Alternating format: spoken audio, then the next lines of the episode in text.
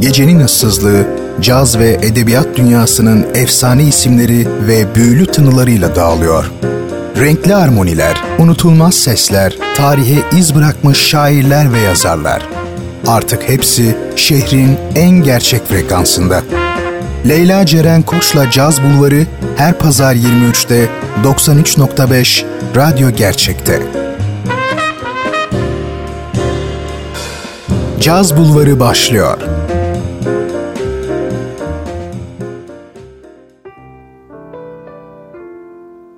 Şehrin tek caz ve edebiyat sever frekansı 93.5 Radyo Gerçek'ten herkese merhabalar. Ben Leyla Ceren Koç'la birlikte Caz Bulvarı'ndasınız ve bu gece de birbirinden değerli edebiyat ve caz sanatçılarıyla radyonuzun diğer ucunda olacağım. Bir süredir aynı programda hem bir müzisyen hem de edebiyat sanatçısından bahsetmiyordum. Onun için bu programımızın olabildiğince dolu dolu geçmesini istediğimden seçtiğim isimler sizlerin de oldukça dikkatini çekecektir diye düşünüyorum. Haftanın isimlerini vakit kaybetmeden belirtelim dilerseniz gelmiş geçmiş en iyi şarkıcılardan ve hem acı hem de müzik dolu hayatıyla filmlere kadar konu olmuş bir isim Fransız şarkıcı Edith Piaf ve edebiyat alanında da yine bir o kadar değerli, kendine has ve özel bir başka isim Fransız şair Charles Baudelaire. Evet sevgili dinleyenler vakit kaybetmeden her zaman olduğu gibi haftanın şarkıcısıyla açılışımızı yapıyoruz. Caz Bulvarı başlıyor. Hoş geldiniz.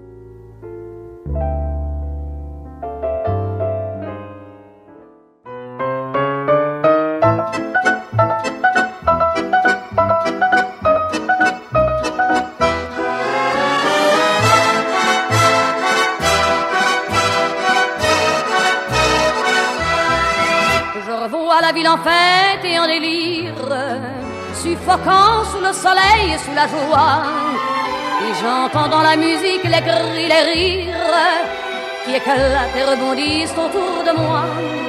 Et perdu parmi ces gens qui me bousculent, étourdi, désemparé, je reste là. Quand soudain je me retourne, il se recule, et la foule vient me jeter entre ses bras.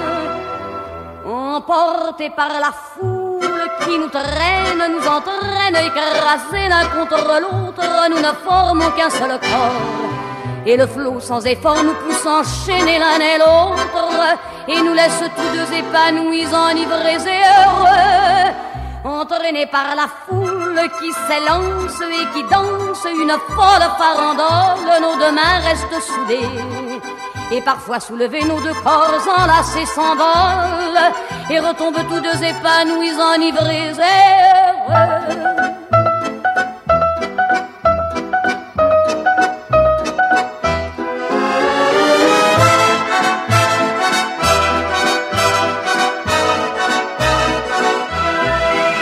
Et la joie qu'elle a poussée par son sourire me transperce et rejaillit au fond de mon âme mais soudain, je pousse un cri parmi les rires. Quand la foule vient l'arracher d'entre mes bras.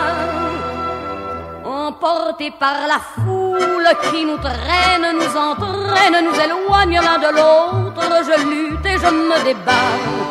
Mais le son de ma voix s'étouffe dans le rire des autres, et je crie de douleur, de fureur et de rage, et je pleure. Et par la foule qui s'élance et qui danse une folle farandole, je suis emporté au loin. Et je crispe mes poings maudissant la foule qui me vole, l'homme qu'elle m'avait donné que je n'ai jamais retrouvé.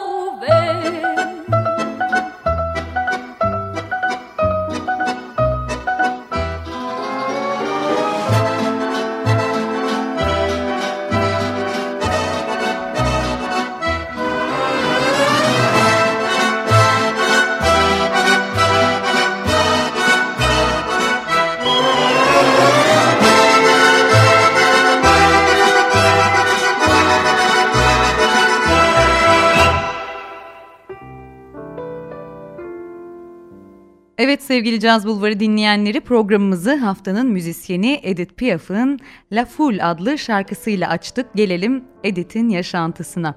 Piaf 19 Aralık 1915 tarihinde Paris, Belleville'de doğar. Sanatçının doğduğundaki adı Edith Giovanna Gassion. Annesi yarı İtalyan, yarı Tiflis asıllı bir göçmen aileden gelen e, Anetta Giovanna Maglia, babası Louis Alphonse Gassion'dur. Piaf'ın annesi tıpkı kendisi gibi sokakta şarkı söyleyerek yaşamaya çalışır, babası ise sokaklarda gösteri yapan bir cambaz.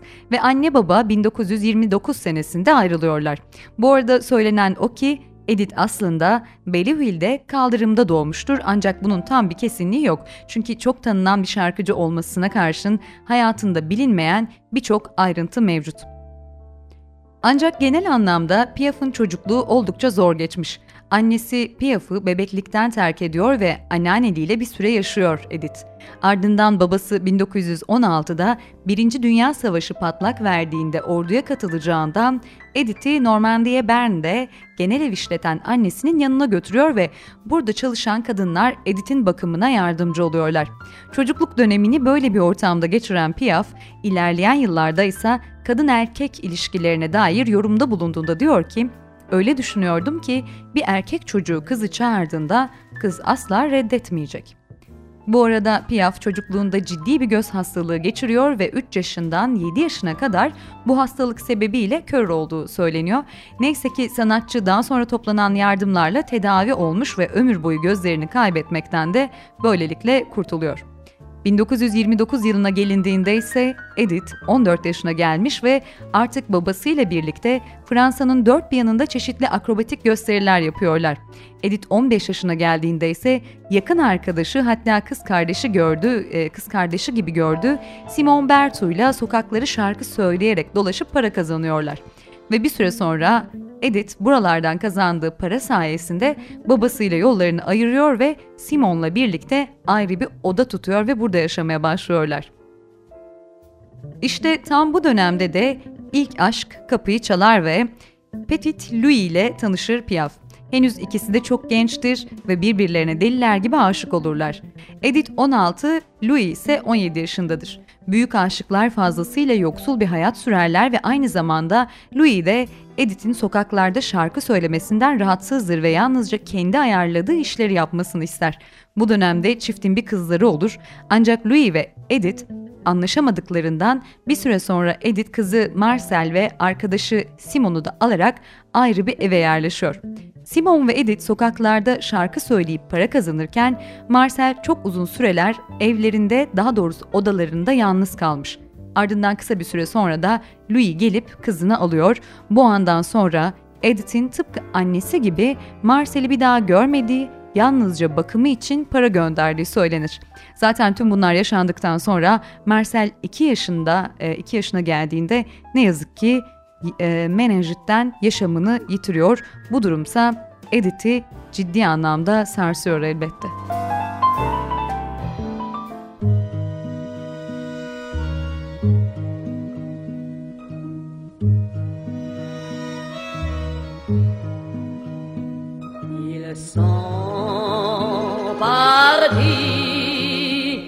Dans un soleil d'hiver. Ils sont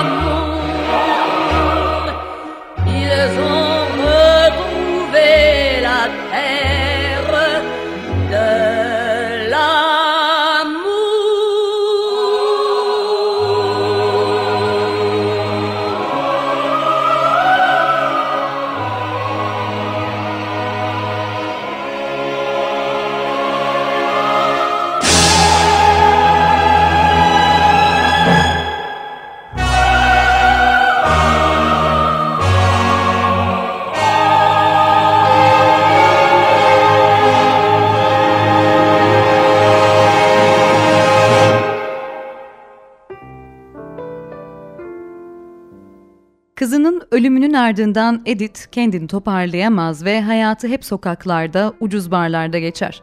Derbeder ve yoksul bir yaşam sürer. Kendi deyimiyle o kadar batmıştır ki yukarı çıkmaya kalkışmaz bile genç yaşamında iğrençlik ve çirkinlik dışında pek bir şey görmez.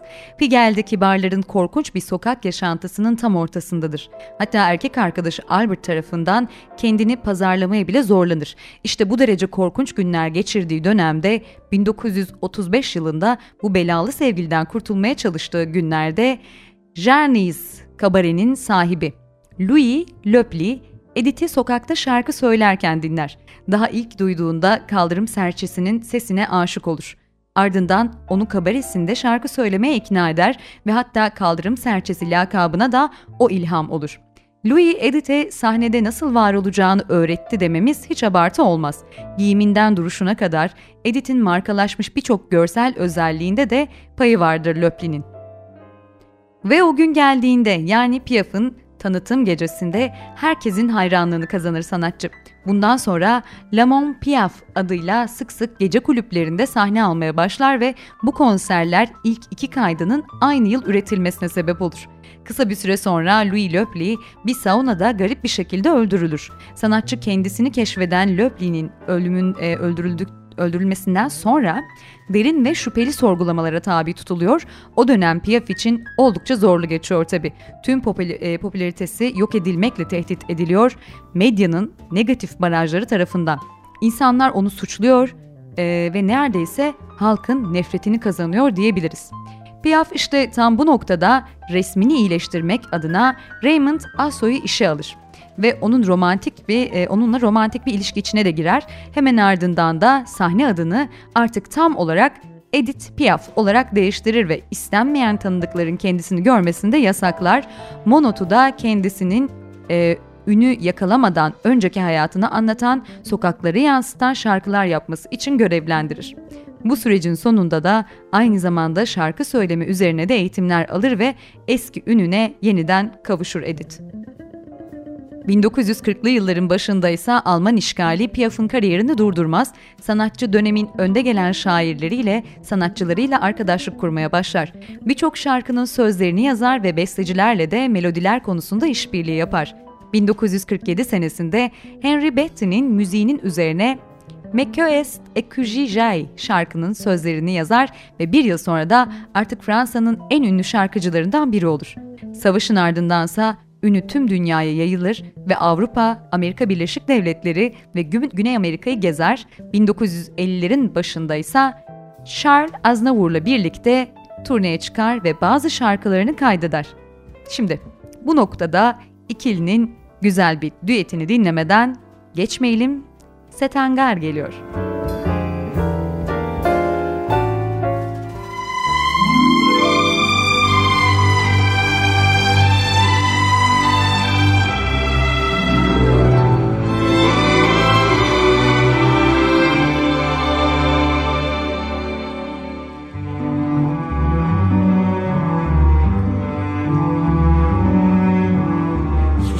semelles se dérobent, on voit le jour à travers sa robe. Son corsage est tout rapiécé, ses effets très fatigués. Qu'importe ce qu'on dit à la ronde, je me fous du reste du monde. J'ai comme envie de rire et de chanter. C'est tout ce qui m'est arrivé. C'est un gars qui est entré dans ma vie. C'est un gars qui m'a dit des folies. Tu es jolie, tu es jolie. On me l'avait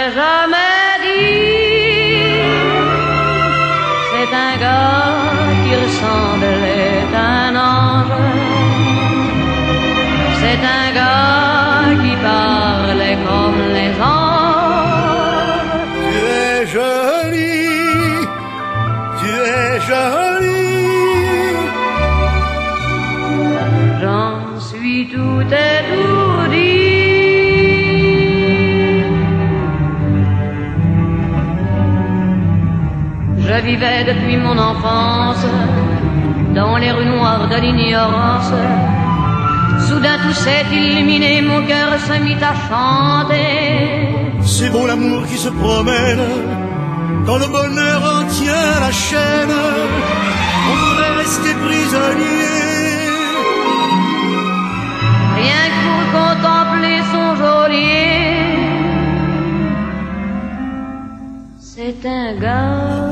Est entré dans ma vie. C'est un gars qui m'a dit des folies. Tu es Tu jolie, es jolie, tu es jolie.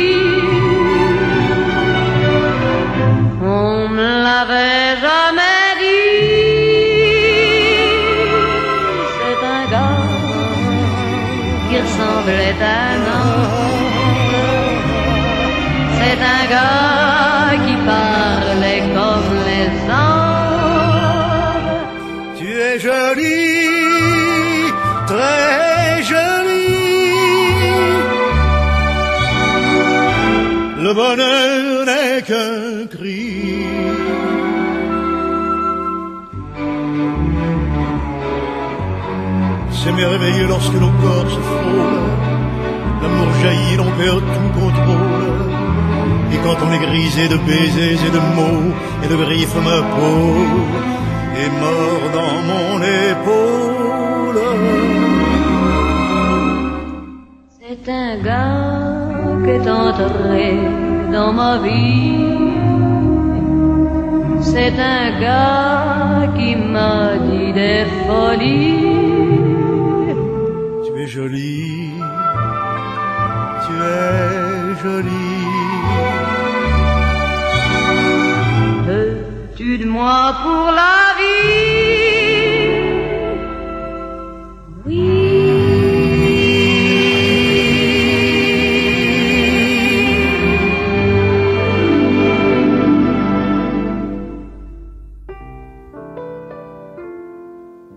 Sevgili Caz Bulvarı dinleyenleri, radyolarını yeni açanlar için hatırlatalım. Edith Piaf'tan bahsetmekteyiz ve bir yandan da onun birbirinden güzel şarkılarını dinliyoruz.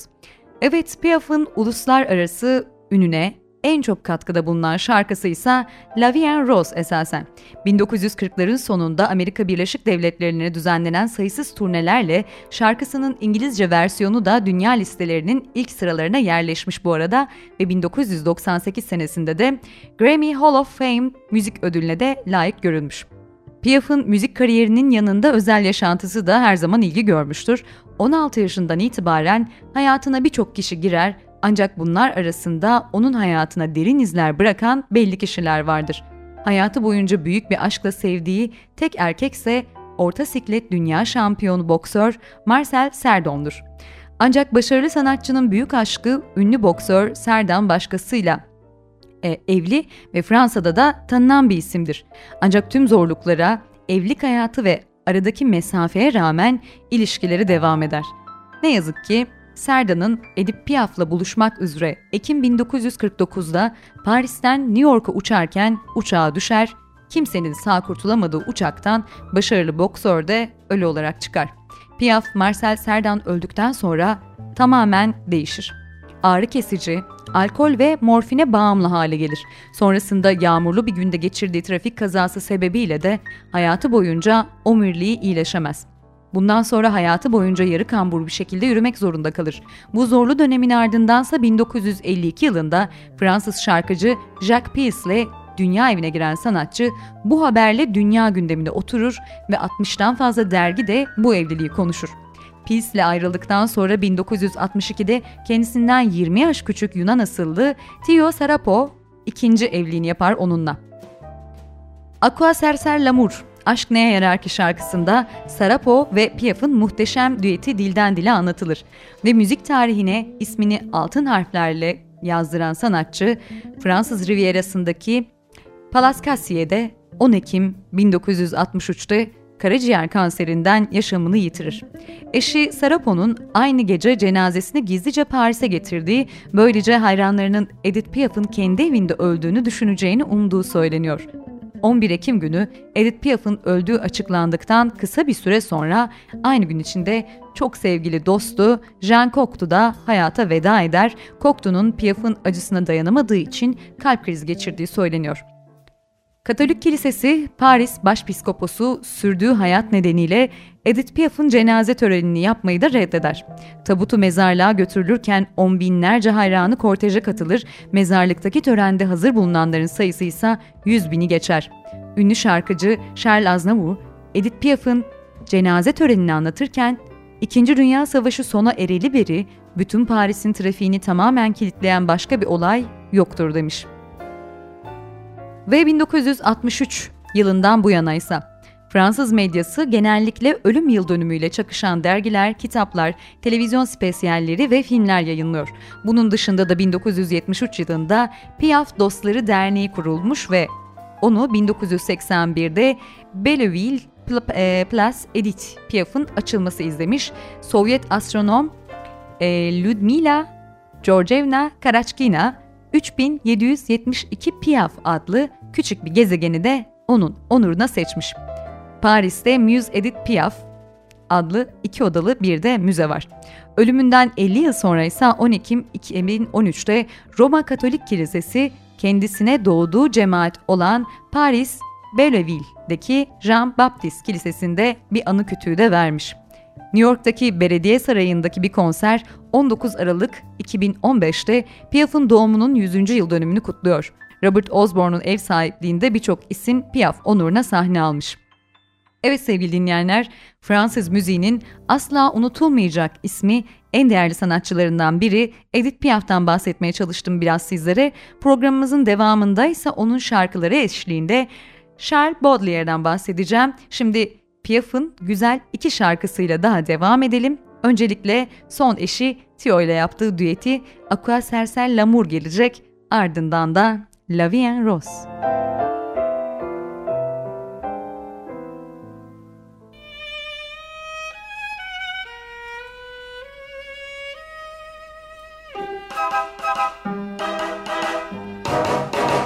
À quoi ça sert l'amour On raconte toujours des histoires insensées. À quoi ça sert d'aimer? L'amour ne s'explique pas, c'est une chose comme ça qui vient, on ne sait d'où, et vous prend tout à coup. Moi j'ai entendu dire que l'amour fait souffrir, que l'amour fait pleurer. À quoi ça sert d'aimer? L'amour, ça sert à quoi? À nous donner de la joie, avec des larmes aux yeux, c'est triste et merveilleux. Pourtant on dit souvent, l'amour c'est décevant. Il y en a un sur deux qui n'est jamais heureux. Même quand on l'a perdu, l'amour qu'on a connu laisse un goût de miel? L'amour c'est éternel. Tout ça c'est très joli, mais quand tout est fini, il ne vous reste rien qu'un immense chagrin. Tout ce qui maintenant te te semble déchirant, demain sera pour toi un souvenir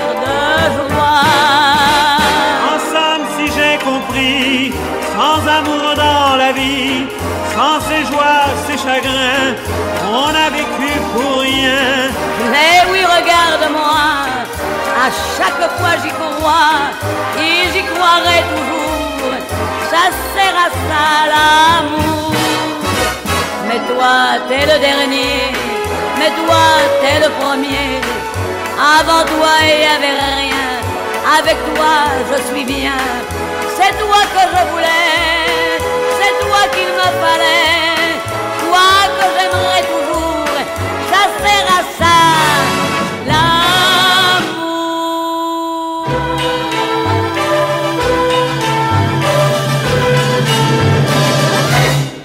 Caz Bulvarı devam ediyor.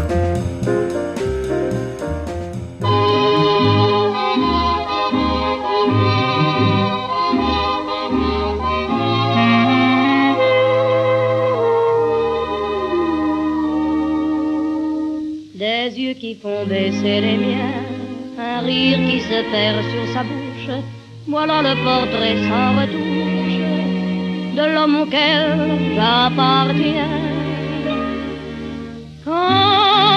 Il me prend dans ses bras, qu'il me parle tout bas, je vois la vie en rose.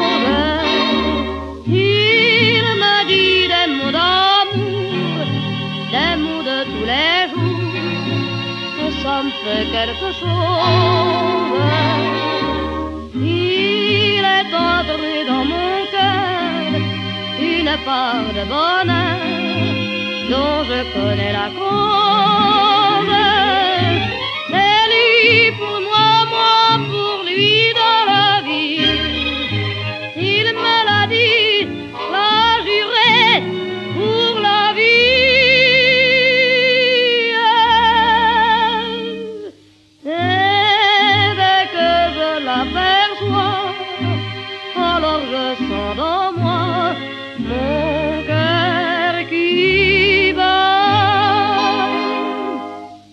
Des nuits d'amour à plus finir, un grand bonheur qui prend sa place. Des ennuis, des chagrins s'effacent, heureux, heureux, en mourir. Quand il me prend dans ses bras, il me parle tout bas, je vois la vie en rose.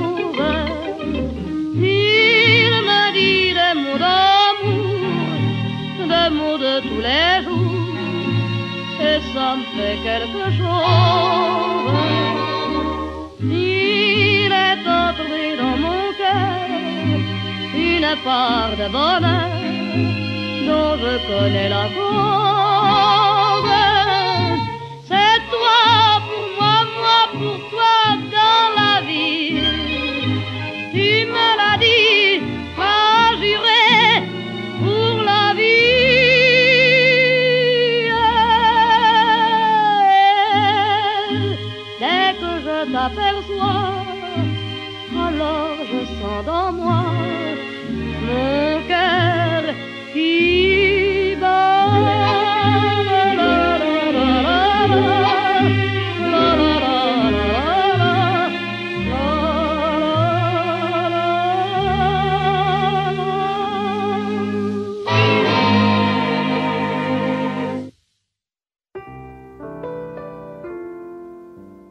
...93.5 Radyo Gerçek'te Caz Bulvarı'ndasınız sevgili dinleyenler ve Edith Piaf'ın yaşantısının ardından sıra geldi haftanın yazarı, edebi kişiliği Charles Baudelaire'e. Baudelaire, kendisinden sonra gelen Paul Verlaine, Arthur Rimbaud, Stephen Mallarmé gibi birçok şairi de etkilemiş bir isim. Charles 9 Nisan 1821'de Paris'te dünyaya geliyor. Babası François Baudelaire, 1819'da evlendiği kendinden epey genç olan yaklaşık 34 e, 34 yaş var aralarında ikinci karısı yani Charles'ın annesi Caroline de tek çocukları oluyor. Baba François bir papazken 1973'te din adamlığından ayrılarak dolgun bir maaşla orta rütbeli bir devlet memuru olarak çalışmaya başlıyor. Aynı zamanda yetenekli sayılabilecek amatör bir ressam ve şair. Charles'ı sanatla ya da sonradan en büyük, en tüketici ve ilk tutkusu olarak nitelendireceği imgeler kültüyle de tanıştıran kişi babası. François Baudelaire 1827'de ölünce Charles ve annesi bir buçuk yıl Paris'in kenar mahallelerinde yaşıyorlar. Charles'ın üzerinde annesiyle birlikte geçirdiği bu dönemin etkisi çok büyük. 1861'de annesine yazdığı bir mektupta bu yıllardan sonsuza dek sende yaşadığım, yalnızca ve bütünüyle benim olduğun o tutkulu aşk dönemi diye söz etmiş. Caroline ise generalliğe yükselen, ardından Fransa'nın Osmanlı Devleti ve İspanya Büyükelçisi olan 2. İmparatorluk döneminde de senatör seçilen Jacques Opic adlı yüksek rütbeli subayla evlenince Charles'ın çocukluk aşklarının yemyeşil cenneti Kasım 1828'de birdenbire sona erer. Charles bu sebepten üvey baba Opic'ten hep nefret etmiş. 1831 senesinde ise Albay Opic Lyons garnizonuna görevlendirilince Charles da Lyon Krallık Koleji'ne yatılı veriliyor. Aile 1836'da tekrar Paris'e taşınınca da o da öğrenimine dönemin itibarlı okullarından Louis Le Grand Lisesi'nde devam ediyor. Başarılı bir öğrenci olan sanatçı ilk şiirlerini de bu yıllarda yazmış. Ne var ki öğretmenlerinin gözünde yaşına uygun olmayan yapmacık tavırlar takınan, büyümüş de küçülmüş bir ahlak düşkünü olmaktan kurtulamıyor. Ayrıca yoğun bir melankoli eğilimi de geliştiren Charles, tek başına yaşamak üzere dünyaya geldiğini de bu dönemlerde düşünmeye başlıyor ki belki de fark ediyor. Sürekli tekrarlayan disiplinsiz davranışları yüzünden Nisan 1839'da önemsiz bir olay sonucunda okuldan atılıyor ve ardından da Kolej Saint Louis'de kaydını yaptırıp bitirme sınavlarını verdikten sonra da École de Detroit hukuk öğrenimine başladıysa da aslında e, Cartier Latan'da özgür bir yaşam sürüyor. Sanatçı edebiyat dünyası ile ilk temaslarını da bu sıralarda kuruyor ölümüne yol, e, ölümüne de yol açacak olan Zührevi hastalığı da yine bu yıllarda en etkileyici ilk şiirlerinde sözünü ettiği Sarah La Louchette lakaplı Yahudi bir hayat kadınından kaptığı zannediliyor.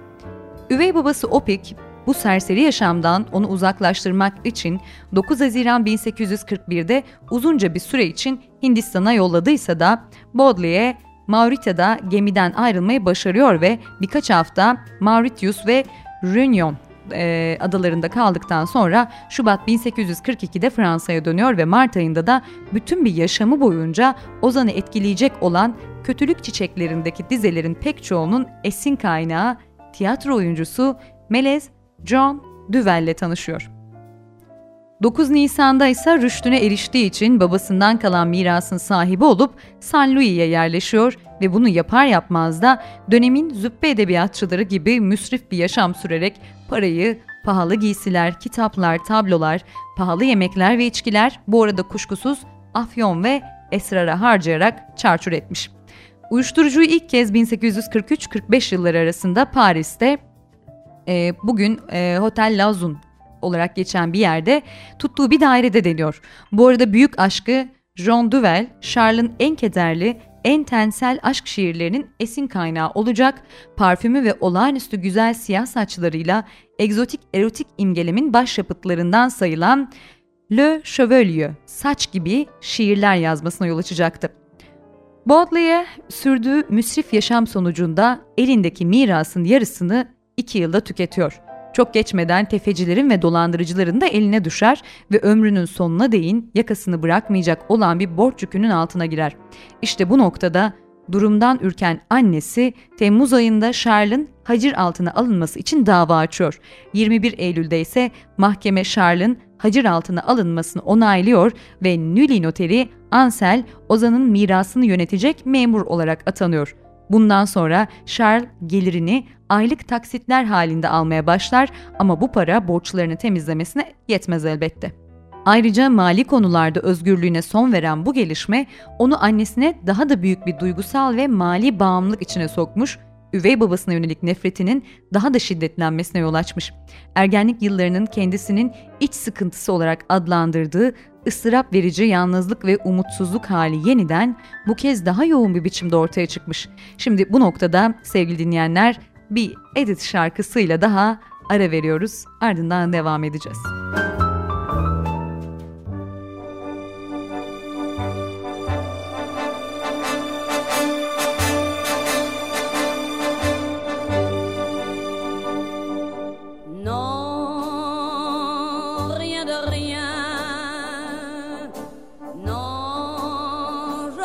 regrette rien, ni le bien.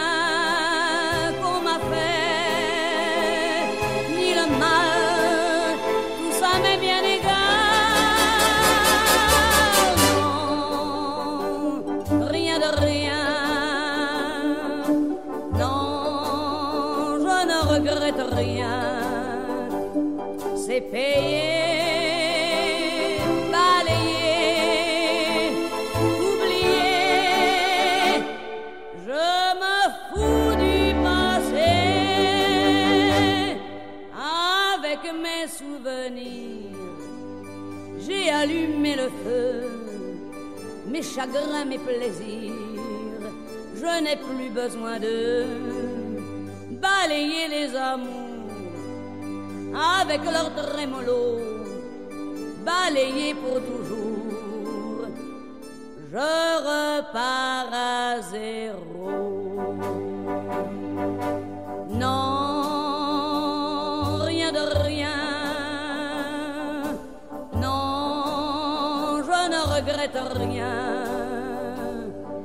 bien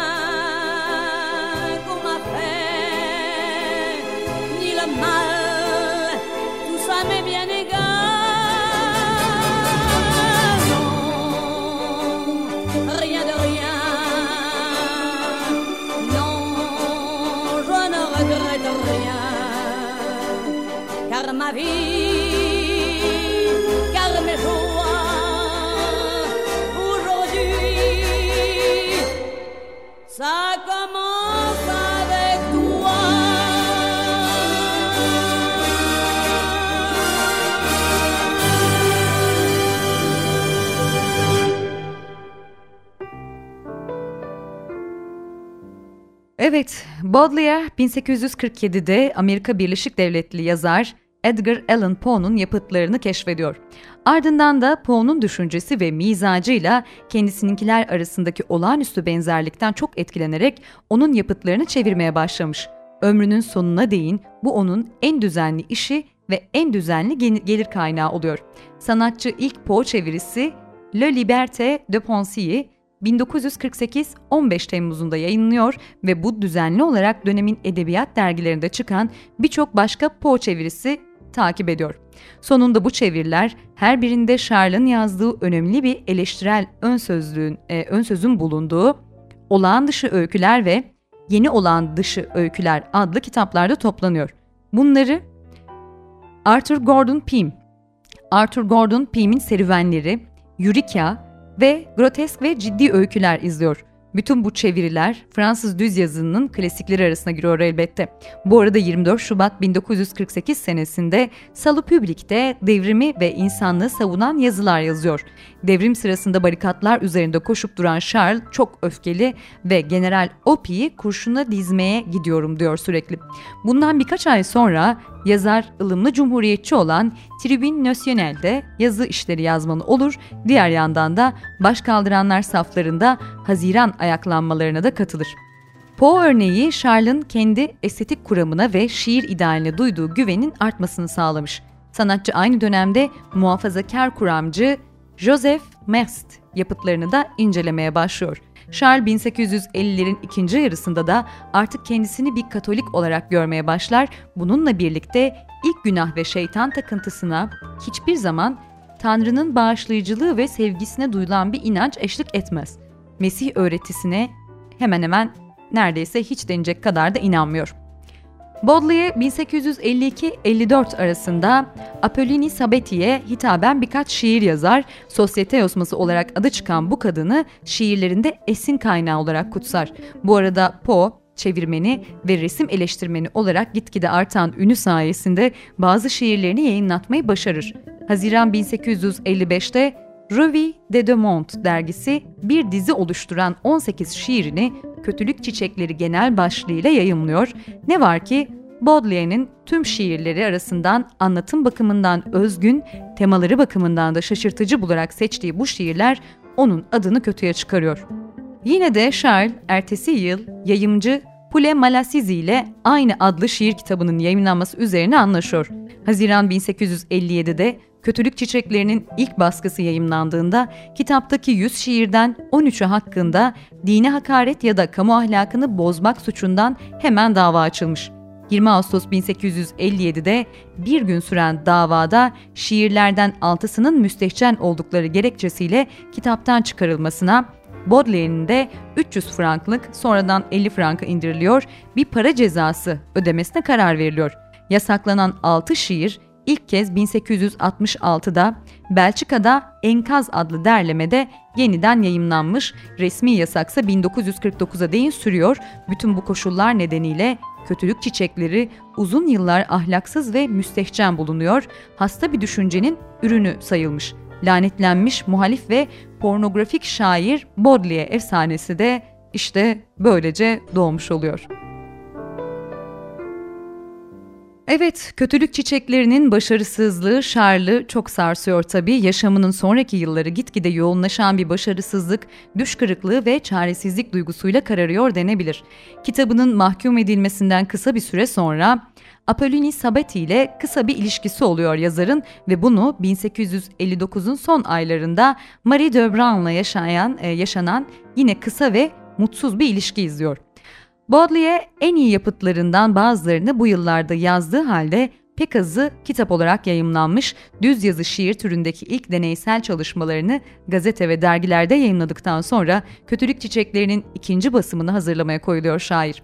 Üvey baba Opik, 1857'de öldükten sonra annesinin çekildiği Sen Irmağı'na bakan Honfleur'deki evde 1859'da bir dizi şiir kaleme almış. Ocak tarih, tarihli La Voyage yolculukla başlayan bu şiirler Kasım'da birçoklarınca Baudelaire'in en büyük bağımsız şiiri sayılan Kuğu'yla doruğuna ulaşıyor. Şair ayrıca resim eleştirisi alanındaki en kışkırtıcı yazılarından ikisini de bu sırada yazmış. Salon sergisi ve e, modern yaşamın ressamı. Teknik ressam Konstantin Guy e, bu kişiden esinlenerek yazdığı bu ikinci yazı birçokları tarafından izlenimci bakış ve üslubun temel ilkelerini akımın ortaya çıkmasından 10 yıl önce geliştiren öncü bir metin olarak da değerlendirmiş. 1860'da Baudelaire'in İngiliz denemeci Thomas Quincy'nin Confession of a English Opium Eater, bir İngiliz afyonkeşin itirafları adlı kitabından yaptığı çevirilerle esrar ve afyonun etkileriyle ilgili kendi çözümlemelerini içeren Yapma Cennetler yayımlanmış. Şubat 1861'de Pule Malasi, kötülük çiçeklerinin büyük ölçüde genişletilip gözden geçirilmiş ikinci basımını yapıyor. Aynı yıllarda Baudelaire, Théophile Gautier, Richard Wagner, Victor Hugo ve dönemin öteki şairleri Delacroix üzerine önemli eleştiriler, yazılar yayımlıyor. Bunların tümü ölümünden sonra e, Romantik Sanat adlı kitapta da toplanmış. Baudelaire, Füzeler ve bütün çıplaklığıyla Kalbim adlı kitaplarda toplanan düş kırıklıklarıyla dolu otobiyografik yazılarını da yine 1850'ler ve 1860'larda kaleme almış. Şair 1861'de yanlış bir kararla Fransız Akademisi'ne seçilme girişiminde bulunduysa da başarılı olamıyor. 1862'de yayımcısı Pule Malasi iflas etmesi üzerine onun mali durumu da iyice kötüleşmiş. Hem bedensel hem psikolojik olarak kötü bir hal alıyor yaşantısı. Manzum şiirler yazmayı bırakarak düz yazı şiir üzerinde yoğunlaşmaya başlayan şair, bir dizi oluşturan 20 düz yazı şiiri 1862'de La Presse yayımlanıyor. Charles, Nisan 1864'te Belçikalı bir yayımcıyı bütün yapıtlarını yayımlatmaya ikna edebileceği umuduyla Paris'ten ayrılıp Brüksel'e gidiyor. Gitgide yoğunlaşan bir yoksul, e, yoksulluk ve umutsuzluk içinde iki yılda orada yaşamış. 1866 yazında Namur'daki San Loup Kilisesi'nde geçirdiği rahatsızlık sonucunda felç geçiriyor ve konuşma yetisini de yitiriyor şair ve bir daha iyileşemiyor ve 46 yaşında Paris'te yaşamının son yılını geçirdiği bakım evinde hayata gözlerini kapatıyor. Baudelaire öldüğünde yazılarından birçoğu henüz yayımlanmamıştı. Yayımlanmış olanlar da piyasada bulunmuyordu. Bu durum kısa bir süre içinde değişti. İleride simgeci akımın önderleri olacak şairler daha cenazesine katıldıkları sırada kendilerini onun izleyicileri olarak nitelendiriliyorlarmış. 20. yüzyıla gelindiğinde ise Baudelaire artık birçoklarına göre 19. yüzyılın en büyük Fransız şairlerinden biriydi. Gustave Flaubert, Fransız ve Avrupa romanı ya da Edouard Manet, Fransız ve e, Avrupa resmi için neyse şair ve eleştirmen olarak Baudelaire'de Fransız ve Avrupa şiiri için odur. Romantizmle modernizm arasında çok önemli bir köprü oluşturmuş, yapıtıyla olduğu kadar yaşamıyla da modern sanatçının olağanüstü bir örneğini vermiş sanatçı. Onun bu etkisi 19. yüzyılda Rimbaud, Verlaine, Mallarmé, 20. yüzyılda da Valery, Rih ve T.C. Eliot tarafından teslim edilmiş. Zihin, duygu, ironi ve lirizmi kaynaştıran bakışı, imge ve seslerin ele geçirilemez büyüsünü, arayışı ve yapmacık bir söyleyişten uzak kalmasıyla Baudelaire ifadeye ve duyguya dayalı romantik şiirden uzaklaşıp e, simgeye ve imaya dayanan modern şiire doğru bir belirleyici adım atmış. Onun izinden giden şair Jules Laforgue deyişiyle Baudelaire gün be gün Paris'te yaşamaya hükümlü biri olarak bu kenti yazan ilk şairdir. Verlaine'ın 1865 gibi erken bir tarihte yazdığı gibi onun en özgün yanı esas olarak modern insanı bütün fiziksel, psikolojik ve ahlaki karmaşıklığı içinde güçlü bir biçimde temsil etmesidir. Baudelaire, Avrupa edebiyatı ve düşüncesinde görüldüğü gibi oldukça önemli bir kişilik.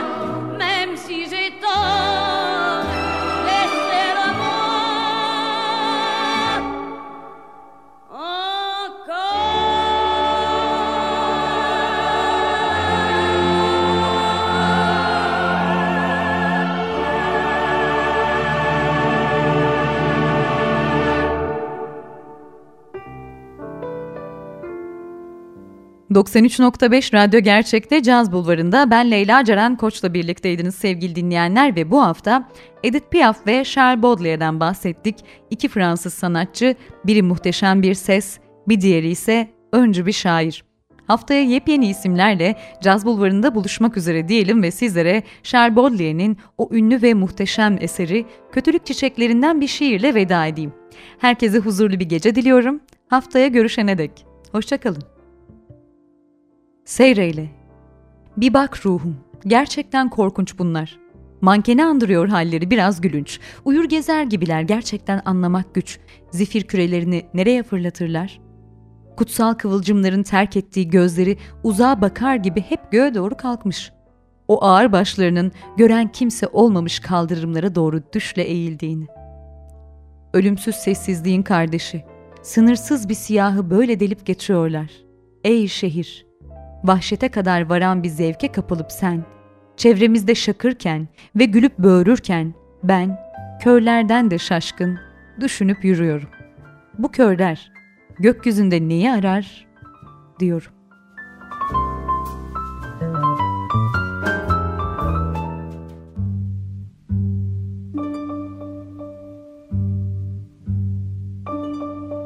Pour partir de chez moi, partir de chez toi, pour laisser tout tomber, sans regarder derrière soi.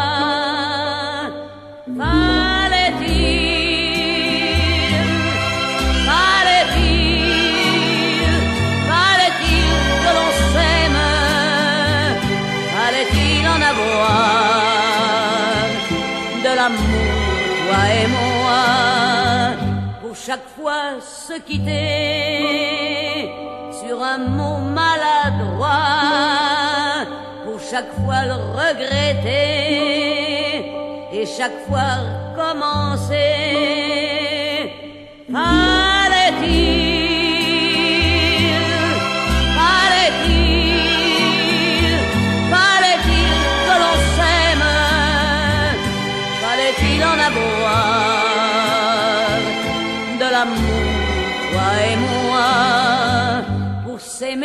Aussi mal, aussi mal qu'on s'aimait, pour se faire autant de mal, autant de mal qu'on s'est fait.